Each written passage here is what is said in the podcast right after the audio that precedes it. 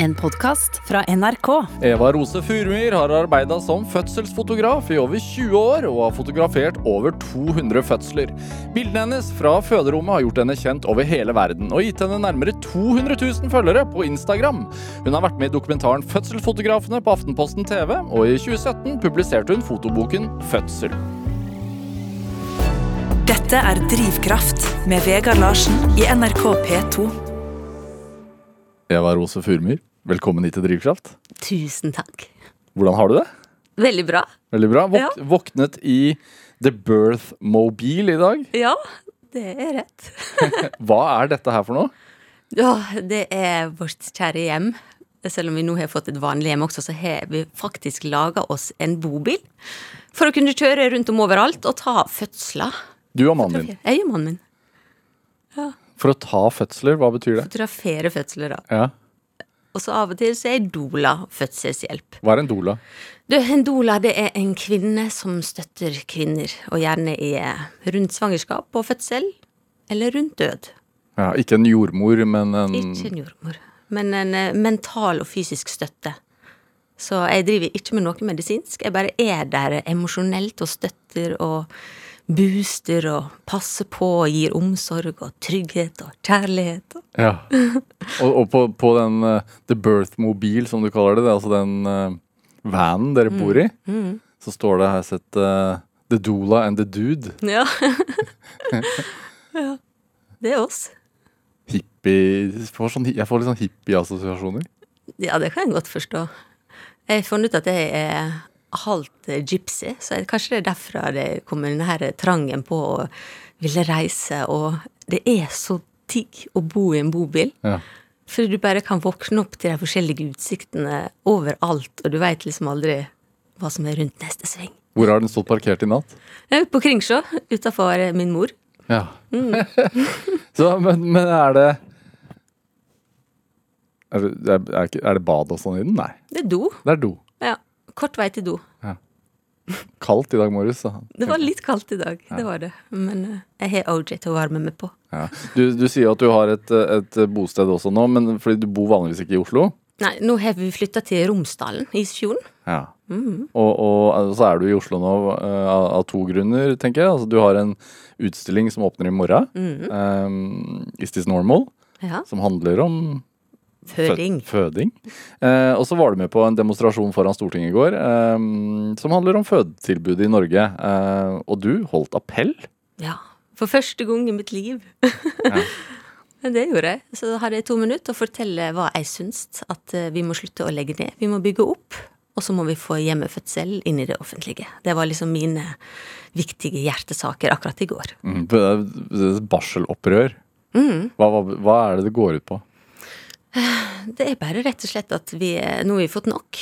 Det, er, det skjer så mye dritt i norsk fødselsomsorg. Vi går feil vei. Vi går imot forskning. Vi går imot eget lovverk. Og vi hører ikke på kvinnene, og vi hører ikke på fagfolka. Og nå er det nok. Nå har damene stått opp og sagt sjøl at nå er det nok. Ja, det er noe sånn tall som at én av tre kvinner viser tegn til fødselsdepresjon etter å ha født. Ja. I Norge, verdens beste land å føde i. Ja. Hvorfor tror du det er sånn? Eh, jeg tror det er sånn fordi det er ikke nok omsorg. Vi får ikke den omsorgen vi skal ha. Eh, og da er det maskinene som tar over. Og eh, maskiner har veldig lite i en fødsel her, egentlig. Selvfølgelig når det er trøblete fødsler, så er det så fint at vi har medisin og maskiner og alt som trengs. Men det jeg ser på jobb hele tida, det er hvor enkelt og fint en fødsel kan gå hvis du bare gjør minst mulig, hvis man sier det. Bare sette seg i bakgrunnen og bare la dama få gjøre jobben sjøl. Hvilke historier er det som blir fortalt som, som har skapt dette opprøret? da? Det er bare å lese i avisa. Hver eneste dag så kommer det nye historier med damene som har opplevd store traumatiske ting under fødsel. Blir ikke sett, blir ikke hørt, blir ikke respektert. I en så viktig del av livet. Liksom, du skal liksom Du skal føde en unge. Det er så grensesprengende. Det kan forandre alt. Det kan liksom gjøre at du får verdens beste start på familielivet. Eller så kan det traumatisere deg så inderlig at du Det går utover hele familielivet. Den nye ungen med. Vi trenger sterke, friske mødre som kan ta vare på den nye generasjonen vår. Og det får ikke vi på den måten vi holder på med nå. Hva sa du på appellen, da? Mm, jeg sa um, at uh, vi må slutte å legge ned. Vi må bygge opp. Og så, eh, som sagt, avslutta med at hjemmefødsel må inn i det offentlige. Jeg er veldig opphengt i hjemmefødsel, men eh, jeg veit ikke, jeg så lillesøsteren min bli født når jeg var sju år, hjemme. I senga til mamma og pappa. Der lå min mor og ville at vi skulle være med og få se på fødsel med. Hun hadde født meg og min bror på sykehuset. Og så Hun kommer fra England, og i England så er hjemmefødsel veldig vanlig. Så hun sa Been there, done that. Dette her klarer jeg. La oss gjøre det hjemme. Hvor var dette her? Remøya. Hvor, hvor er det? Ah, det er en øy lengst, lengst ute i havgapet på Sunnmøre.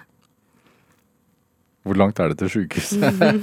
Det var en times tid til sykehuset, så det var kanskje litt i overkant langt, egentlig. Det var mange jordmødre som eh, stussa på at eh, min mor ville ha hjemmefødsel der ute. Mm. tror ikke det var så lett å få til. Men til slutt så fikk hun en jordmor som sa ok, greit. Da prøver vi på det. Og det gikk nå lett som en drøm. Mamma lå der og smilte når hun pressa ut søstera vår. det er ikke så vanlig, er det vel? Du, jeg ser det ofte. Ja. Tenk på det. Jeg ser det ofte. Damer som føder lett og fint. Du, var- du var syv år. Man kan tenke at altså, en fødsel er jo en Nå sier du jo at moren din smilte, da, men en, en fødsel er jo en eh, dramatisk hendelse. Fordi at nytt liv kommer til, og det er jo en, en prøvelse for, for moren. Eh, hvordan Altså, hva husker du? Du, det som er, Vi kom nå helt på slutten. Vi visste ikke egentlig Jeg så bare at bilen til jordmora sto utafor huset, og vi hadde ikke hørt at hun skulle være der. Så når jeg så at bilen sto der, da var det bare rett opp. Tok med meg broren min. Hvor gammel var han? Fem. Så eh, gikk vi opp, og så husker jeg det at jeg hørte noen rare lyder opp fra soverommet, så vi dro dit. Og så åpna vi bare opp litt på gløtt. Så så vi liksom at de holdt på med noe der inne. Og så så mamma oss, og så kom da. Og så satte vi oss opp i senga, jeg og broren min, på hver sin side. Og så Så det var helt på slutt, det var helt sluttfasen. Det var presset, ut, og der kom Sara. Og det var liksom så enkelt og så fint. Så jeg fikk et veldig sånn naturlig forhold til fødsel så tidlig. Fordi når jeg var sju år, det var ikke fødsler på TV på den tiden der. Nei. Så jeg visste liksom ingenting hva jeg gikk til. Men det var bare så vakkert og så fint. Og jeg var så stolt. Jeg husker at jeg sprang rundt hele øya etterpå. Og ba jeg banka ikke på døra til folk. Jeg bare gikk rett inn og bare 'Jeg har sett søstera mi blitt født hjemme!'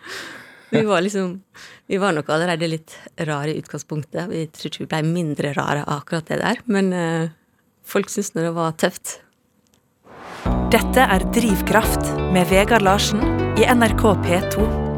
Og i dag er fødselsfotograf Eva Rose Fyrmur her hos meg i Drivkraft på NRK P2. Hvorfor er dere rare? Vi var litt annerledes, kanskje. Fordi vi bodde på en måte på Remøya, som er rederøya, der det var bare skipsredere. Og så var det oss. Vi var fotografene.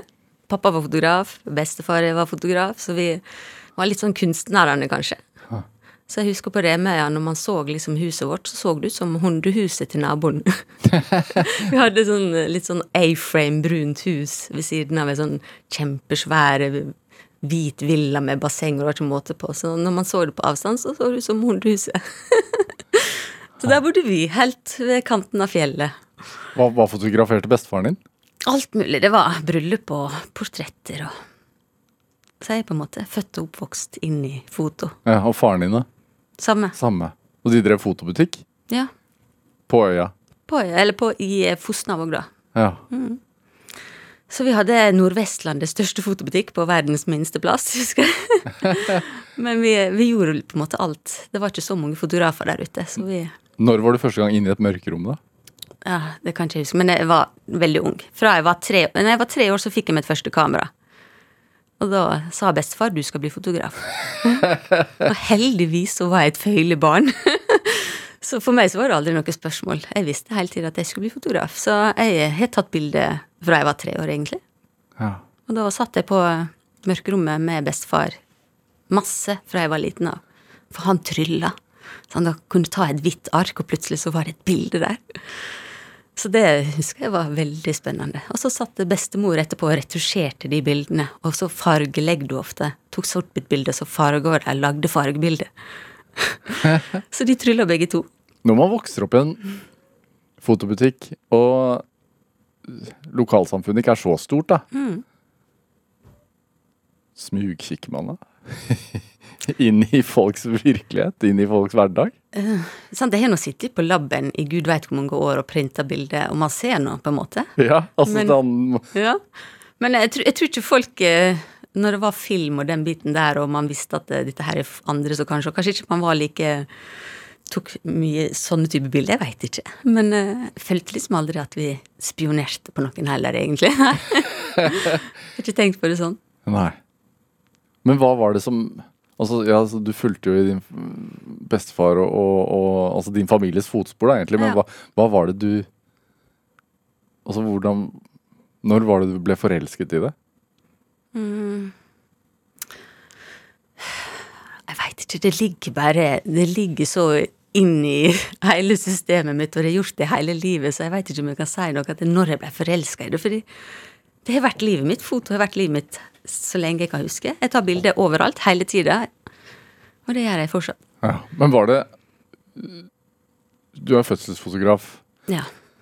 Og det I dag så er det jo ikke uvanlig at man Altså det står vel til og med også sånn eh, når man skal uh, gå gjennom en fødsel, at eh, film gjerne tar bilder. Ja. Det, det kan du sette pris på. Var, har det alltid vært sånn? Uh, Før så var det nesten ingen som drev og filma og tok bilder, følte jeg. Um, nå eh, er de veldig flinke det, rett og slett fordi at man husker ikke så mye fra egen fødsel. Uh, og så skjer det så mye kule ting. Så mye fine ting som er så fint å huske. Så hvis man kan ta litt bilde, så er det litt fint for mor å få se etterpå, da, når hun ikke er inni i den her fødebobla, men kan sitte på utsiden og Det jeg syns er så stas, det er liksom det at jeg kan få lov til å vise damene hvor fantastisk rå de er. For det er ofte de glemmer. De sitter igjen og bare 'Jeg hadde tenkt å gjøre det sånn, og jeg skulle ønske at jeg ikke gjorde sånn', eller sånn. Jeg bare 'Du var helt rå'. Og så har jeg bildene og filmen til å vise hvor rå hun dama var. Så det jeg syns det er så kjekt. Hva var første fødselen?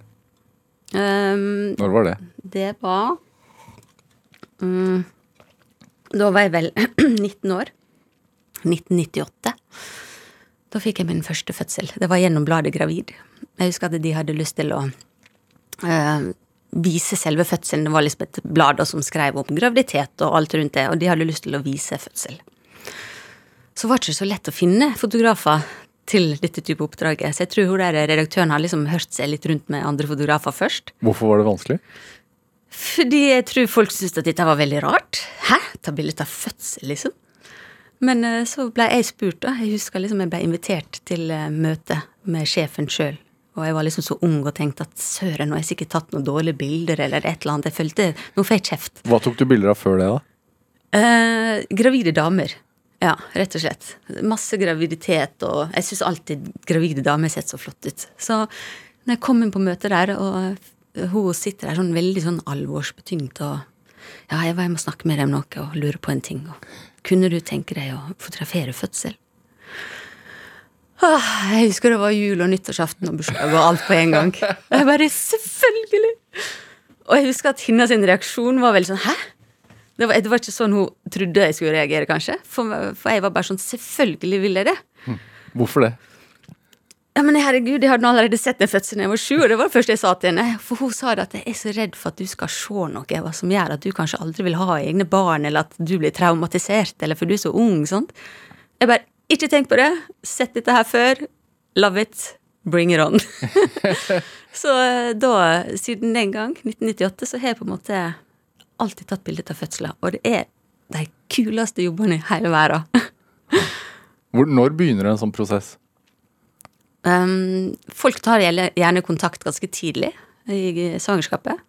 Og da får man tid til å bli kjent, og det er litt viktig. fordi når du skal være med noen på det mest hellige i livet, på en måte, så må man ha en god kjemi. De må like meg.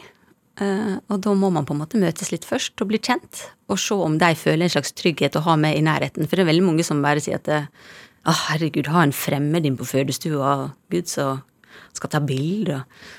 Men jeg er nå aldri den det fremmede. Nei, fordi altså, det er jo utrolig privat. Ja. Og det Det å imitere en tredjeperson i Mm. det rommet er jo Ja, jeg, jeg skjønner at man er skeptisk, da. Spesielt mannfolka. Ja. Hvorfor er det sånn, tror du? Jeg tror nesten jeg kan si at ni av ti menn er skeptiske og lurer på hvorfor i all verden skal vi ha bilde til dette her, og hvorfor i all verden skal vi ha et menneske vi ikke kjenner inn på fødestua. Men der kan jeg si at absolutt alle uten unntak har vært så fornøyd etterpå. Fordi eh, For det første så er det det at når man er på en fødsel, det kan ofte ta lang tid. Og så har de da meg som de kjenner, og det er det som er så morsomt, for du har ikke noe kontinuitet i dette landet her med at du møter samme jordmor, dessverre. Det er kun ABC og noen få steder som gir deg det valget.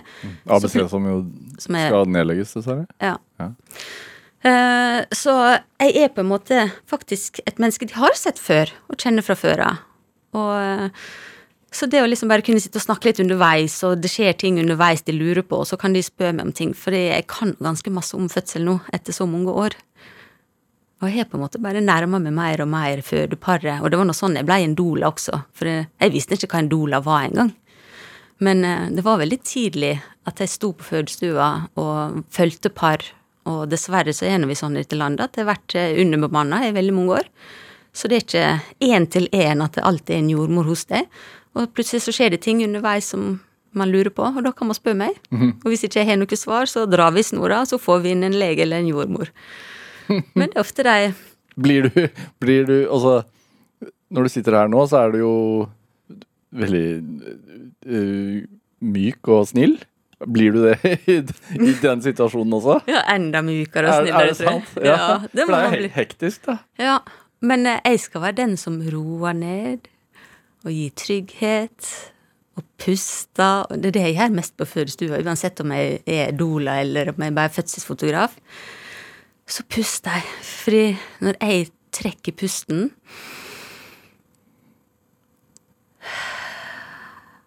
Så er det så lett å følge meg. Sant? Man puster med meg, og det er det viktigste i en fødsel. Det er å huske å puste. Så da puster jeg rolig, sånn at eh, både mor og far hører min pust, og så puster de også rolig. Og da blir man avslappa og avspent i kroppen og åpen. For man vil nå være åpen når en baby skal komme ut av tissen. Så eh, min eh, jobb er å på en måte trygge de foreldra, og gi, gi dem denne her roen som jeg veit hjelper. Fordi fødsel, som du sier, det kan være hektisk. Og eh, en fødsel blir styrt av hormoner, men det virker som at folk har glemt litt. For eh, vi får nå på en måte oksytocin som presser ut eh, den, som gir de contraction i magen, som presser ut den ungen. Og vi får endorfiner, og det, vi har så mye hjelpemidler i kroppen da, som er vanskelig å bruke, egentlig, hvis ikke du eh, eh, er klar over det, og øver det litt, på en måte. Og så har vi da angst og frykt. Og jeg ser hva angst og frykt gjør med en fødsel. Og eh, da strammer du opp, og du kniper igjen, og kroppen vil liksom på en måte ikke åpne seg. Og da må jeg på en måte prøve å se at ok, nå ser jeg at fødedama er redd, og da bruker jeg ofte å nærme meg fysisk med. Så er det liksom det, jeg er veldig fysisk, jeg liker å ta på folk. så det er liksom, da kan jeg gå bort til fødedama, og så kan jeg bare ta hendene på henne, holde på henne, og så kan jeg fort kjenne om hun tar imot min kroppskontakt, om hun liksom blir litt myk av det, eller om hun stritter imot. Stritter imot, så kjenner jeg at hun vil ikke bli tatt på. Du skal aldri ta på en fødedame som ikke vil bli tatt på. Men så å si alltid så kjenner jeg denne her ah, følelsen. Nå var det noen som kom og holdt meg, tok rundt meg. Så jeg er veldig sånn fysisk med å ta på og massere og klemme på hoftene og sant? Jeg kan alle disse triksa på hvordan en fødsel kan gå fint. Så jeg vil nå selvfølgelig at alle mine fødepar skal ha best mulig opplevelse. Jeg skulle ønske alle kunne ha med seg en doula i fødsel. Fordi da har du på en måte det mennesket som kun er der for deg, konstant, hele tiden. Jeg er ikke der og springer ut og inn og har masse andre fødende. Jeg er der kun for deg. Hva får du ut av det? Åh, så mye kjærlighet. det er så rått. Fordi Det, det er særlig tilbakemeldingene etterpå, men også når jeg står der i det. Det å få lov til å bare kjenne på den oksytocinen som bare bruser i hele rommet. Åh, jeg er verdens heldigste. Hva ser du etter når du tar bilder, da? Du, vet du hva, dette er litt rart. Jeg tror jeg har jobba så lenge som fotograf at jeg tenker ikke lenger når jeg fotograferer. Jeg bare tar bilder. Så jeg bruker på en måte aldri noe energi på å liksom skal komponere eller eksponere. Alt ligger i hendene. Så akkurat bildebiten, det føles aldri som jobb. Hmm. Det var gøy. Men er- har du, altså, Gjemmer du deg bort et hjørne, eller altså, hvordan er du i rommet? Eh, jeg prøver å være flue på veggen. Hvis noen booker meg kun til fosterfotograf og sier det at eh, vi vil kun at du skal ta bilde, og ikke være doula Det er ingen som sier det, egentlig. Alle vil nå egentlig til syvende og sist når de kommer inn på fødestua, så vil nå de ha omsorg og kjærlighet. Det får de uansett. Men um, Jo, faen, hva var spørsmålet igjen? Nei, hvor, hvordan du, du Altså det rollen din som fotograf i rommet. Jo, også. som regel flue på veggen. Ja. Uh, og så kommer jeg litt nærmere innimellom. Eh, akkurat når babyen kommer ut, så elsker jeg å ta de bildene akkurat når babyen er på vei ut. og det er noen foreldre som har vært skeptiske til de bildene, men så tar jeg de alltid likevel, og så blir de alltid glad for det etterpå, fordi det er noe så rått når man ser hvordan kroppen fungerer, at det hodet der kan komme ut, og det kan gå så fint. Så um, men som regel så er jeg som både doula og fødselsfotograf, for da får jeg lov til å være litt nærmere de. Så da henger kameraet rundt halsen, mens det på en måte Jeg står liksom alltid klar i tilfelle det kommer et fint bilde, men jeg tar egentlig veldig lite bilder. Sant? Er du en fotograf som veit hva du driver med, så tar jeg ikke Du er ikke paparazzi inn på fødestua. Den irriterende klikkelyden, sant? Skal ikke, du skal ikke holde på sånn. Så det er det ene bildet der. Så ser jeg å, nå var de fine, nå drev de og koste sammen. Så tar jeg det bildet der. Og disse bilder som de ikke tenker på kan være så koselig å ha etterpå. Sant? Så ser far som er så skeptisk, bare Wow, så koselig. Og det er ofte de ikke får kred, for det er bare åh, mannfolk er så irriterende, og jeg har ikke gjort noe fornuftig på denne fødestua i det hele tatt. Og så ser damen gjennom bildene etterpå, så bare å herregud, han var der! Han var der og støtta, han tok på meg, han var der! Så det kan være litt fint for mannfolk også, å få vise at hei, jeg prøvde mitt beste, jeg var der. Ja, fordi du ga ut en bok i, i 2017 som heter Fødsel, som, som eh, har bilder av fødsler, men som også handler om, om det å føde Ja. før og etter. Eh, på eh, omslagsbildet av den boka så er det en nybakt pappa Ja. med, med en baby. ja. Det er liksom ikke det man Nei, den, den fikk vi en del reaksjoner på. Hvorfor i all verden skal vi ta et mannfolk på en fødselsbok? Ja. Eh, men jeg syns det er så fint her i Norge at eh, Jeg tror det er litt spesielt for Norge at mannfolk er såpass involvert som de er i fødsel. For i mange andre land så er det litt sånn at mannfolka er nesten på gangen. Eller helst ikke i rommet i det hele tatt, på en måte. Um, i hvert fall det jeg hører, da. Men i Norge så er vi veldig flinke til å involvere oss. At mannfolka er med å lese seg opp og forberede seg og liksom lyst til å være der og ta del i det, da. Så da syns jeg at det var så fint å ta med en eh, partner på bildet, og så elsker han det bildet. Vi kaller han The Crying Dad. Den fødselen der så gråt absolutt alle i fødestua, jordmødrene. Det var Vi gråt. Jeg gråt såpass masse at eh, det var så masse uskarpe bilder i den serien der at jeg måtte eh, rett og slett øve meg på å ikke grine på jobb. Jeg kan ikke, jeg kan ikke grine på jobb. Da blir ikke det bra bilde. Så jeg må på en måte nesten distansere meg litt når det blir for mye følelser. At jeg kan liksom ha kamera mellom oss, fordi Du, har- du, det er ikke noen ny du, har- så Det er bare én sjanse. Ja, det er akkurat det. Du har Du kan ikke sjans. komme dagen etterpå og si 'skal vi gjøre Nei. det i morgen'? Så da er det bare å stramme seg opp og um, ja, prøve å holde, holde maska. ja. Tilbake til da du var 19 år og fikk det første oppdraget for, eh, for bladet Gravid, eller? Mhm. Ja. Hvordan gikk det? Hva, hva, hva, hva? Jeg husker at den første fødselen det var på noe som heter Føderike. eh, Og det var en vannfødsel. Den var så fin. Den gikk så bra. Hvor er dette her? Føderiket, Føderike, det var på en måte Det var i gamle, gamle Aker sykehus, det Mm. Det var før ABC, på en måte. Um, jeg husker ikke så mye til den første, men jeg husker veldig masse til den andre. Fordi eh, den andre fødselen jeg hadde, det var en jordmor skulle føde på Ullevål. Eh, og jeg syntes det var litt ekstra kult at hun var jordmor. Men der ligger hun eh, på rygg, og eh, ut kommer et hode. Og så tok det veldig lang tid før neste ri kom, så hodet lå bare der, og vi venta på neste ri. Så da fikk jeg komme litt nærme, og så skulle jeg da ta bilde av denne babyen. Men det som skjer, det er at den åpner opp øynene og stirrer rett i kamera. Dette hadde jeg aldri hørt kunne skje. Ungen var ikke født ferdig engang. Og så der sitter han og stirrer rett i kamera. Men det, det var så lang fødsel, jeg var så sliten på det tidspunktet, at jeg tenkte nå ser jeg synet, dette her går ikke annet. Og på den tiden der så tok jeg filmkamera, jeg hadde ikke noe digitalt på den tiden der. Og jeg husker det så godt, for jeg var ferdig klokka fem på natta, så var jeg hjemme. Uh, og selv om jeg var så sliten, så satt jeg nesten og bare rista. For jeg bare fy faen, det bildet der! Tenk om det stemmer! Tenk om det stemmer! Så jeg klarte ikke å sove. Jeg måtte vente til laben var åpen. Så dro jeg på elitefoto på Holmen, der jeg jobba ved siden av. Og jeg fremkalte det bildet, og jeg husker jeg la negativet ned på en sånn lysbord, og så bare ser jeg med lupe. Jo, han ser rett i kamera. og så dro jeg hjem, og så tror jeg jeg sov i to døgn eller noe sånt. Fordi det var bare sånn, jeg var så lykkelig, og jeg var så glad, jeg var så utslitt, og det var bare Åh, jeg bare er verdens kuleste jobb! ble, ble, det publisert? Um, du, på den tiden der Det blei publisert. Men uh, vi hadde ikke sosiale medier, vi hadde ingenting. Jeg hadde så lyst til at alle skulle få se det bildet der. uh, men jeg hadde ingen plass å sette det, så det jeg gjorde, er at jeg hadde en hjemmeside. Og så satte jeg den på første sida på hjemmesida mi. Du bare søker Eva Rose, og så kommer det opp da fødselsbildet. Og folk blei så sure. Å, gud hjelpes! For dette her var veldig, veldig lenge siden. Det er, som sagt, Jeg holdt på med dette her i 24 år. Jeg vil tippe at dette her er kanskje 20 år siden. Mm. Uh, og da fikk jeg sinte mail fra spesielt mannfolk. Her kommer jeg inn for å skal booke deg som bryllupsfotograf og bli møtt av det her. Det var ikke, dette her var ikke min intensjon å skulle se et sånt bilde, og kan du være så snill fjerne det? Så, ja, så til slutt så måtte jeg faktisk fjerne det. Jeg fikk såpass masse tilbakemeldinger.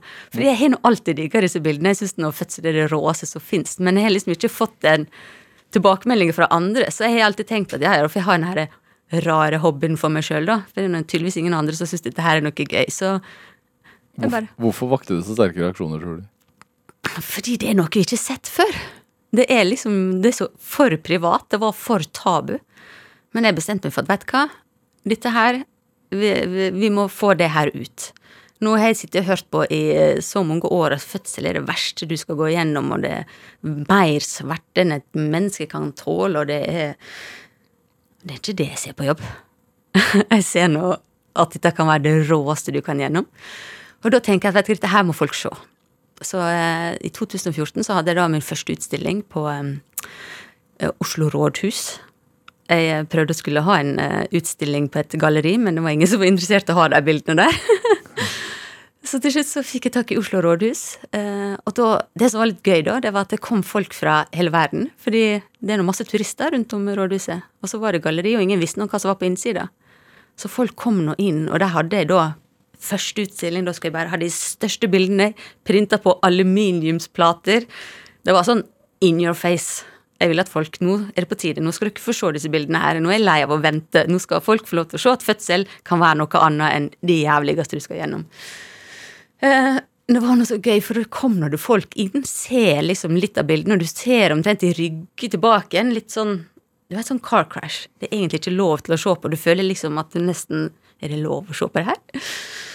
Eh, så jeg kommer og drar dem inn og snakker med dem, og folk fra hele verden som bare i alle dager dere driver med i Norge. For jeg har veldig masse bilder av hjemme, nei, hjemmefødsler og vannfødsler.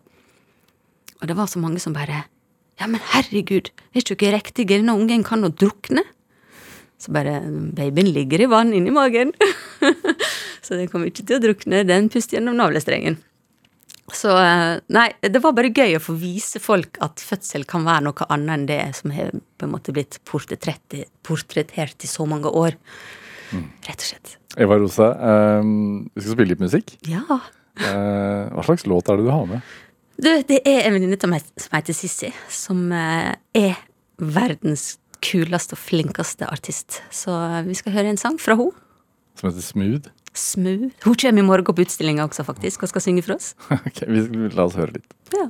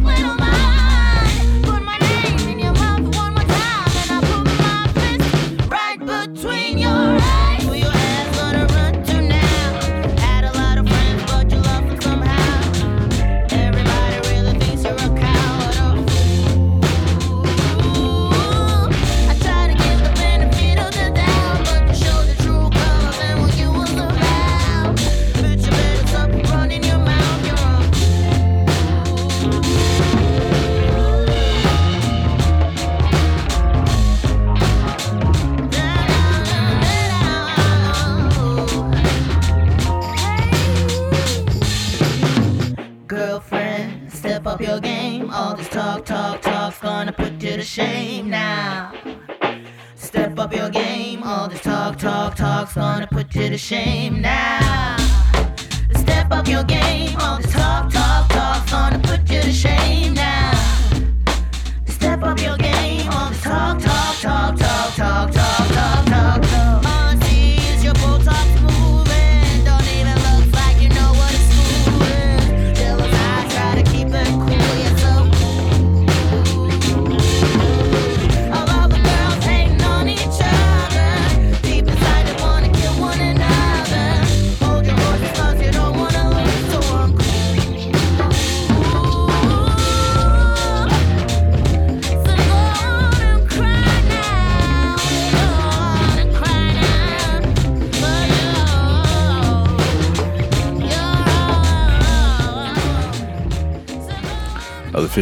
Sissy med 'Smooth' her i Drivkraft på NRK P2. En eh, låt valgt av dagens gjest her i Drivkraft, nemlig fødselsfotograf og doula Eva Rose Furmyr. Jeg vet at du har drevet med noe sånn slags eh, genforskning på, på dine egne, dine, di- di- ditt eget slektskap. Ja, Hvorfor er, du, hvorfor er du interessert i det? det er litt morsomt å se hva vi kommer fra, på en måte. Eh, Jeg har liksom alltid Jeg har nå følt meg veldig norsk, det har jeg. Men eh, samtidig så har jeg en sånn eh, Du er halvt uh, britisk, da. Jeg er halvt engelsk, ja. Ja. Eh, Men på engelske siden så fant vi ut at det, det har vært gypsies.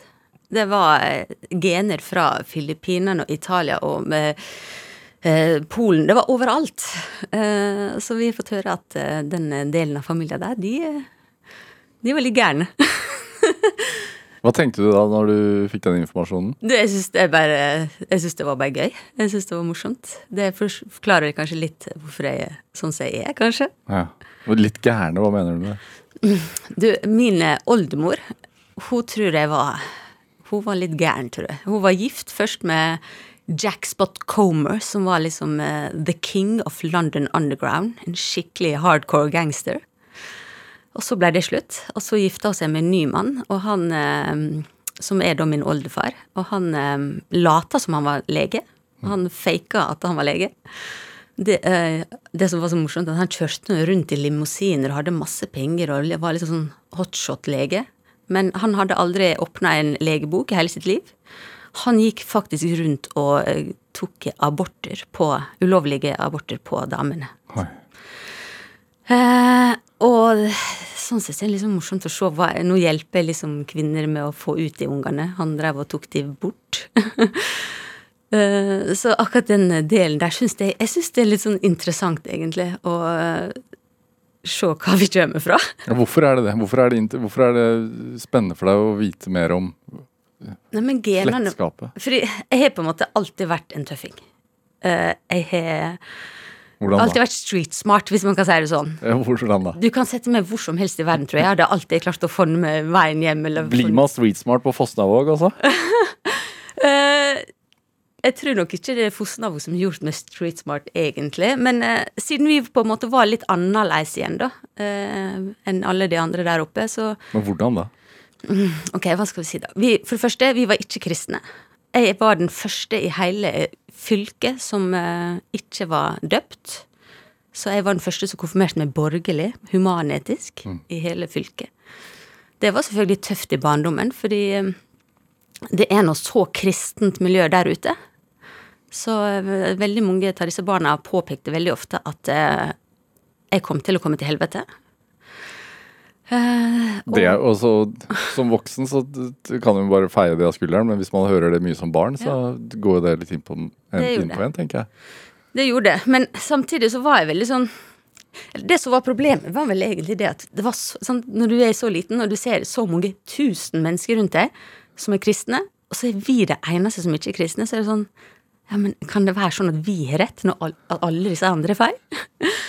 Så i begynnelsen, eh, når jeg var ung, så var jeg faktisk Da ble jeg litt sånn ødelagt, for jeg husker at jeg ba veldig ofte til Gud. Det var liksom just in case. Sant? hvis du finnes der oppe, vær så snill, jeg vil ikke komme til helvete. Please. Så det var, det var litt sånn røft. Det var det eh, når jeg var yngre. Men så Pappa han var veldig ateist. Det var ikke noe snakk om men, Så han ville ikke at vi skulle for eksempel, vi, vi slapp KRL på skolen. Så når alle andre hadde KRL, så kunne jeg og broren min fikk vi et sånn eget eh, rom. Nesten litt sånn husker jeg, der vi satt og hadde eh, en bok med alle forskjellige religionene som fins, Sånn at vi sjøl kunne lese oss opp, og når vi var store nok, så kunne vi ta egne valg om vi ville være religiøse. Det syns jeg var egentlig veldig fint. Eh, men det gjorde også at jeg, jeg kan nå fortsatt egentlig ingenting om kristendom. Ikke det at jeg trenger å kunne så masse om det heller, men vi var veldig sånn eh, eh, Ja, vi visste ikke så mye, rett og slett. Vi, vi ble litt sånn eh, Hva med moren din, da? Nei, hun var heller ikke kristen. Nei. Så, og så var nå hun Hun var nå bare den kuleste dama. Kommer fra London, ser smashing ut. Og er veldig direkte. Hun, er, hun snakker fra levra, hun. Det er det ingen tvil om. Men hun var liksom sånn Alle der ute visste hvem Sally Rose var. Det var liksom ikke noe tvil. Det var ikke så mange utlendinger der oppe i det hele tatt. Så det var ikke Men hun, hun skilte seg ut. Eh, og så fortsatte jeg der oppe i Fosnavo, så Å, jeg husker så godt Sally Rose. Å, hun var så flott. Så hun har alltid vært en sånn tøffing. Alltid, å, denne her janteloven, nei, den gjelder ikke for oss. Så. Du er helt engelsk. Gjør hva du vil. Så jeg har alltid fått lov til å bare ha liksom frie tøyler. Ikke noe sånn du skal, bli, du skal gjøre det Eller jeg fikk noen beskjed du skal bli fotograf, men det var bestefar. Det var ikke noe med foreldrene mine. Men eh, Nei, vi, vi var litt annerledes. Men det syns jeg på en måte også bare var litt gøy. Jeg tørte å synes det var morsomt når jeg ble litt eldre, at vi var litt annerledes. Eh, og så var det dette her at du blir nå ganske hardhuda av å leve i et sånt miljø der oppe, og du er såpass annerledes. Eh, så jeg føler meg veldig sterk. Jeg har veldig lite frykt i meg. Så jeg gjør veldig masse. Jeg gutser.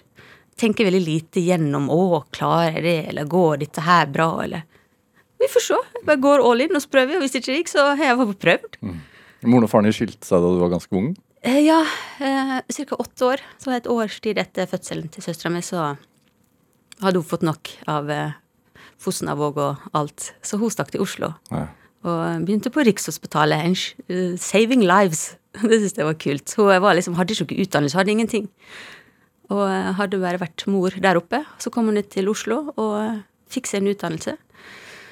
Eh, Jobba på Statens senter for epilepsi, og så begynte hun på Rikshospitalet. En saving life. Så jeg syns det er veldig kult. Men nå er hun pensjonert og lever det gode liv. Men den reisetrangen, Ja. har- du også arvet den? Ja. Og mamma hun er sånn, hun må ha varme, hun må ha sol, så nå driver hun faktisk og flyr fram og tilbake til Spania for å prøve å finne et sted hun skal bo. For hun vil ikke bo i Norge når hun ikke skal jobbe her, for her er det altfor kaldt. Så vi alltid, hele familien vår er veldig glad i å reise, og vi har reist masse. Jeg jeg sånn som, Det var vel ti år siden cirka, så tok jeg et halvt år og reiste til Asia alene. Jeg var begynt å bli litt sånn litt for varm i trøya. Jeg måtte ut av komfortsona. Eh, og da var det sånn Nei, et halvt år rundt i Asia helt alene, og bare reise og føle og oppleve og kjenne på hvordan det er å liksom komme tett inn på andre folk. For det er så vanskelig når du reiser bare på ferie. Så jeg har fått så masse input og så masse kunnskap. Masse fødselskunnskap. Har du vært med på fødsler i andre land også? Ja, det har jeg. Jeg har vært i Etiopia og hatt fødsel der, og i Frankrike og i England. Hvordan kommer du i kontakt med folk der, da? Du, i Etiopia, da vi skulle, vi skulle reise verden rundt og eh, fotografere fødsler i 2020. Vi, eh, jeg og min mann Ole Jakob, som eh, skulle lage et prosjekt som heter Birth Around the World. Og da var første stopp Etiopia. Jeg hadde aldri trodd at vi skulle ha noe fødsel der. Vi skulle ned og snakke om fødselsskader der nede. Så vi hadde liksom et team med fødselslege vi skulle snakke med. Men så var det en jordmor fra England som sa at Eva, jeg ser at du er Etiopia. Kan ikke du komme ned hit? og det som er så gøy når man skal reise rundt og lage en dokumentarserie uten å ha så masse planer, det er at man kan bare, som min kjære, follow the flow. Bare se hva som skjer underveis, ikke lag for masse planer. Og da plutselig så hadde vi da mulighet til å være på Vi var på to fødsler på én dag. Først en vaginalfødsel, som var helt forferdelig å se, og så rett på et keisersnitt med tvillinger. Det var ganske heftig, og spesielt for mannen min, som Han er nå Han blei fødselsfotograf. Han har jobba i oljebransjen mange år, så ble han kjent med meg, og så trengte jeg noen som skulle være med meg rundt om i verden, så han satte seg på, på YouTube og lærte seg å filme. Sånn at han også kunne filme. Så nå filmer, Han har vært med på jeg tror det er 11 eller 12 fødsler nå. Så der filmer han, og så tar jeg bildene. Dream team. Du, du snakket om i starten av karrieren din hvor du måtte inn i mørkerom og, og sånne ting. Etter hvert så har det jo eh, blitt stor på bildetjenesten Instagram. Ja. Nesten 200 000 følgere. Mm. Du har et eget filter, eller et eller annet sånt? Altså det, du, for det, de har jo ganske strenge retningslinjer om hva man får lov til å legge ut og ikke. Eh, eksplisitte fødsler er en ting de er skeptiske til.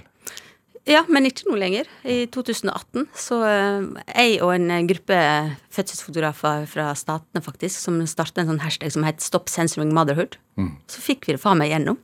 Så til slutt så sa Instagram vi ser at disse bildene her er sharing knowledge, og det er vi med på. Så da har jeg fått eh, en av de få i verden, tror jeg, som har det der eh, filteret at jeg kan på en måte dele absolutt alt jeg vil, da. Eh, Med en advarsel, altså må man trykke de fleste kommer opp så fort det er, eh, er litt eksplisitt bilde, så trømmer det opp et sånt filter, og så står det du, 'Er du sikker på at du vil se det her?' Ja. Og da får du sett. Men Hva tenker du om at det er det, egentlig? At man må gjennom en sånn sikkerhetskontroll? Sånn. Vil du se hvordan mennesker kommer til verden? nei, jeg syns nå alle bare skal få se alt hele tida, så må ikke spørre meg om sånt. Men eh, det er nå uansett bare kjempegøy å få lov til å dele disse bildene til så mange land som Og det, det som er vi i Norge, begynner å bli litt åpne om det. Eh, men i andre land så har dette vært helt lukka. Det er ingen som veit hvordan en fødsel ser ut. Så jeg får nå hundrevis av meldinger fra folk rundt om i hele verden som bare sier at tusen takk. For det første, folk blir så glad at de kan få lov til å se hvordan en fødsel faktisk ser ut. Fordi de fleste sier at når de har sett bildene mine, så blir de mindre redd for å føde, og mer forberedt. For de ser hva er det, hva er det som skjer. Så jeg får liksom mulighet til å kunne påvirke folk rundt om i verden til å ta litt eh, eierskap til sin egen fødsel, og så gjør de det. Og så blir de så forbanna glad etterpå. Og det syns jeg er så gøy. Så da får jeg så mye kjærlighet hele tiden. Hvordan har, hva har det betydd for karrieren din? Altså Instagram? Den tror jeg har betydd ganske masse. Rett og slett fordi at ja, jeg, jeg hadde ikke plass å vise disse bildene. Eh, og det at eh, sosiale medier sitter vi på uansett. Og jeg syns det er så fint at folk som eh, kan sitte der og scrolle, kan få med seg litt eh, kunnskap innimellom. Du som har så mye kunnskap om, om fødsler og vært med på så mange fødsler. Du har ikke født selv. Nei. Hva tenker du om det? Ja, jeg skulle født eh, Det hadde vært så rått å få lov til å oppleve. Eh, prøvde en periode på å bli gravid. Eh, jeg trodde først jeg skulle ha fem unger, og så tenkte jeg ok, tre. Og så gikk jeg ned til to, og så gikk jeg ned til én. Og nå er jeg veldig glad for å ha ingen. Eh, jeg hadde aldri trodd at det eh, Som sagt, jeg, jeg elsker unger. Jeg har et veldig godt lynne med unger. De er glad i meg, og jeg er glad i deg, så jeg var helt sikker på at jeg kom til å være mor. Eh, Men det var litt vanskelig å skulle bli gravid. Kan godt hende det var bare feil partner. Men til slutt så har jeg på en måte blitt såpass gammel, og så er det noe med at den friheten jeg har i mitt liv, er så fantastisk. For da kan jeg fortsette å drive med alle disse her crazy stuntsa som jeg gjør hele tida. Og det er noe så gøy. Eh, Og så er det noe med at jeg er nå eldst av seks søsken. Jeg har så mange tantebarn, og jeg har så masse barn i livet mitt generelt. Men selvfølgelig er det en sorg å aldri få lov til å oppleve en fødsel sjøl. Men skal jeg være helt ærlig, så føler jeg, føler jeg at jeg har født mange ganger, bare for å være der. For du, når du står i det, og du er doula, og du virkelig du er der med hud og kropp og sjel Så når du, føler, når du er ferdig, så føler jeg meg nesten sånn at man er født sjøl. Ja. Uten alle smertene nedi tissen etterpå, på, da. Hvordan Kan du beskrive følelsen av at altså når barnet faktisk kommer? Ah, det er nesten litt sånn uvirkelig med, fordi det er litt sånn ut av deg sjøl. det er så rått. Eh, jeg får alltid litt sånn høy puls. Sant? Dette her med denne, du skal ha roen, du skal ha roen. Men når det er pressing, og babyen skal ut, da får jeg adrenalin sjøl. Da er du på en måte så hyped. Så når jeg går ut fra en fødestue, så er du, jeg når knapt gulvet med føttene mine. Jeg flyger derifra. Og så kollapser jeg så det holder etterpå, fordi du blir så sliten. Men sånn god sliten, da. Ja. Er det noen som er Altså, hvor mange fødsler har du vært med på? 221. Ja. Er det Blir de like etter hvert? Mm, nei. Ingen er like. Ingen Nei? er like. Ingen er like. Det er litt rart. Jeg lærer nye ting hele tida. Eh, men eh, Hvorfor er det sånn, tror du? Fordi eh, vi er så forskjellige. Eh, vi takler eh, kroppslige ting veldig forskjellig. Og så er det det mentale aspektet. Hvor er du når du skal føde? Er du sant, her, det, jeg syns er så trist, det som jeg hører hele tida. Dette her Å, hvorfor skal, jeg, hvorfor skal jeg forberede meg på noe som jeg ikke peiler inn på hva jeg går til? Sant? Alt kan skje. Hvorfor skal jeg gidde å forberede meg til det her? Men jeg ser nå ofte hva som skjer med de damene som ikke forbereder seg, går inn i fødsel, og som de sier, jeg håper de bare veit hva de driver med på sykehuset. Det er ingen som kjenner deg sjøl bedre enn deg sjøl. Så du må på en måte prøve å finne ut av hva er det som gjør deg trygg. For hvis du føler deg trygg, da kan du klare å finne denne her avslappa, tunge, åpne følelsen du trenger i en fødsel. Så jeg Jeg har bare verdens kuleste jobb. Og du brenner jo for hjemmefødsel. Er det i forhold til det du snakker om med trygghet? Ja, mange føler seg mest trygge hjemme. Eh, noen føler seg tryggest på sykehuset, da er det der de skal være. Noen føler seg tryggest på en operasjonssal, og da skal de være der. Jeg syns at folk skal få lov til å velge, men de må på en måte, hvis man har kunnskap nok til å kunne ta et valg Men da må du nødt til å sette deg inn i hva det er du skal gjennom først. Eh, en hjemmefødsel er, er Det er rett og slett når, du, når jeg er på hjemmefødsel, det er ingen fødsler som er så fine som hjemme. ABC nærmer seg. Men hjemme, de absolutt fineste fødslene, det er hjemme. Det er ingen tvil om engang. Hvorfor, er, hvorfor føler du at det er De er så avslappa. De er i trygge omgivelser. De føler de er hjemme. Og så har de som regel en jordmor til stede. Men det er det som har skjedd nå, da. At eh, det er nesten umulig å få lov til å føde hjemme i Norge. For det er nesten ingen jordmødre som tilbyr det. Og det er dyrt. Det er ikke en del av det offentlige tilbudet som det skulle vært. og Derfor er det veldig få som, som eh, kan ha en hjemmefødsel. Og det som skjer da, det er at flere og flere kvinner velger å føde uassistert. Uten jordmor til stede. I Norge. Verdens beste land å føde i.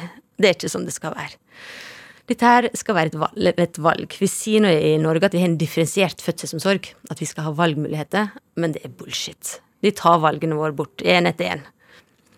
Og det er derfor vi står og har appell og fighter, og derfor jeg skal ha denne utstillinga i morgen med. Fordi at nå har jeg på en måte tatt så masse bilder som jeg har lyst til å vise. Dette er bilder fra opptil 24 år tilbake. Jeg har lyst til å vise meg bildene mine. Hvordan var det før? Hvordan er det nå? Hvordan kan det se ut? Så jeg er veldig sånn psyched til i morgen. For Det er en sikkerhetsbegrunnelse sikkerhetsbegrunnelse bak det hele òg, eller? Eller er det ikke det? En sikkerhetsbegrunnelse. Ja, altså at hvis, hvis det skulle bli komplikasjoner, så er det bedre å være på sykehuset. Ja, sånn sett så er det øh, bedre å være på sykehuset hvis det skulle skje noe underveis. Men det er ekstremt sjelden at noe plutselig skjer i en fødsel. Hvis du har en jordmor med, en hjemmejordmor, hun er der med deg hele tiden. På sykehuset så springer hun fram og tilbake all over the place. Hjemmejordmor hun sitter der som regel og strikker i hjørnet. Jeg elsker hjemmejordmødre som bare sitter og strikker. Sitter og bare holder fortet. Passer på at ordet er bra, og så lytter underveis. Og så hvis jeg ser at her er det et eller annet som er det minste lille avvik, så blir man Hvis man blir skeptisk, da må man på sykehuset. For at det skal være trygt. Og du kan tenke deg, Nå har jeg holdt på med dette her 24 år. Det har aldri vært et eneste dødsfall hjemme. Det, folk driver og snakker om disse døde babyene. Hvor er de døde babyene? Her er ingen døde babyer i Norge. Ingen døde mødre fra hjemmefødsel. Fordi det er et trygt alternativ. Verdens helseorganisasjon de anbefaler det. Fordi at du har større sjanse for å bli fornøyd med fødselen etterpå. Du har større sjanse for unødvendige inngrep. Og de aller fleste damene som føder hjemme, er fornøyde. Mye mer fornøyde. Så jeg syns at dette her skal være et valg på lik linje med alt annet. I hvert fall når vi verdens rikeste land Kom igjen. La oss være et foregangsland som kan vise hvordan fødsel kan være. For vi driver og sier at vi er best, men vi er ikke best. Men vi kan bli best. Er best i forhold til Dødelighet. dødelighet. Ja, og det skal vi aldri kimse av. Men en tredjedel traumatiserte mødre, det kan ikke vi være med på. Eva Rosa Fyrmyr, du skulle egentlig ikke sittet her nå, du skulle egentlig reist rundt i verden. Ja, jeg skulle det. Du solgte hus og Eller leilighet, og dere skulle bare kjørt rundt, du, nå, du og nå mannen din. Ja, i 2020 så skulle vi gjort det. Ja. Vi, var, vi hadde solgt alt vi eide og hadde for å reise rundt og skulle lage den dokumentaren Birth Around the World. Men etter seks uker så kom covid. Og sendte oss hjem. Og det var derfor vi bygde The Birth Mobile, for vi hadde ikke hjem. Så måtte ha et hjem. Men jeg trodde at denne coviden skulle blåse fort over. Men det gjorde ikke den. Så eh, nå har vi akkurat kjøpt oss et hjem i Isfjorden. fordi det, selv om jeg elsker å bo i bobil, så kan ikke man gjøre Eller jeg kan ikke gjøre det for resten av livet mitt. Jeg må ha et hjem. Hva skal dere bygge der, da? Det er noe øh, Det er et gammelt hus som vi pusser opp. Humla heter det. Så nå skal vi faktisk male den som en humle på utsiden. Jeg skal bare fortsette å være hun der rare. Nå kommer jeg til en ny bygd, og så kan jeg fortsette å være hun rare. Men det er helt i orden. Vi trenger noen sånne sånne som oss, som kan øh, Jeg veit ikke. Vise at man trenger ikke å følge denne saueflokken hele tida. Ta egne valg. Tør å gutse litt. Gjør det som gjør deg glad. Åh, folk er så Det er så mye angst og nevroser og vi, Og jeg skjønner nå det, men man går glipp av så masse i livet. Hadde man bare kunnet gutsa mer og turt mer og bare ikke tenk på hva alle andre sier og mener og føler. Det er det som var fra Sunnmøre, denne her, hva alle andre følte og tenkte og mente, som var så viktig. Du kan ikke være sånn, du kan ikke være sånn. Drit i det. Vær akkurat sånn som du vil. Gjør akkurat det du vil. alle disse barna du har møtt, Mm. først, den første dagen i livet deres, Ja. følger du noen av de etterpå? Ja, mange.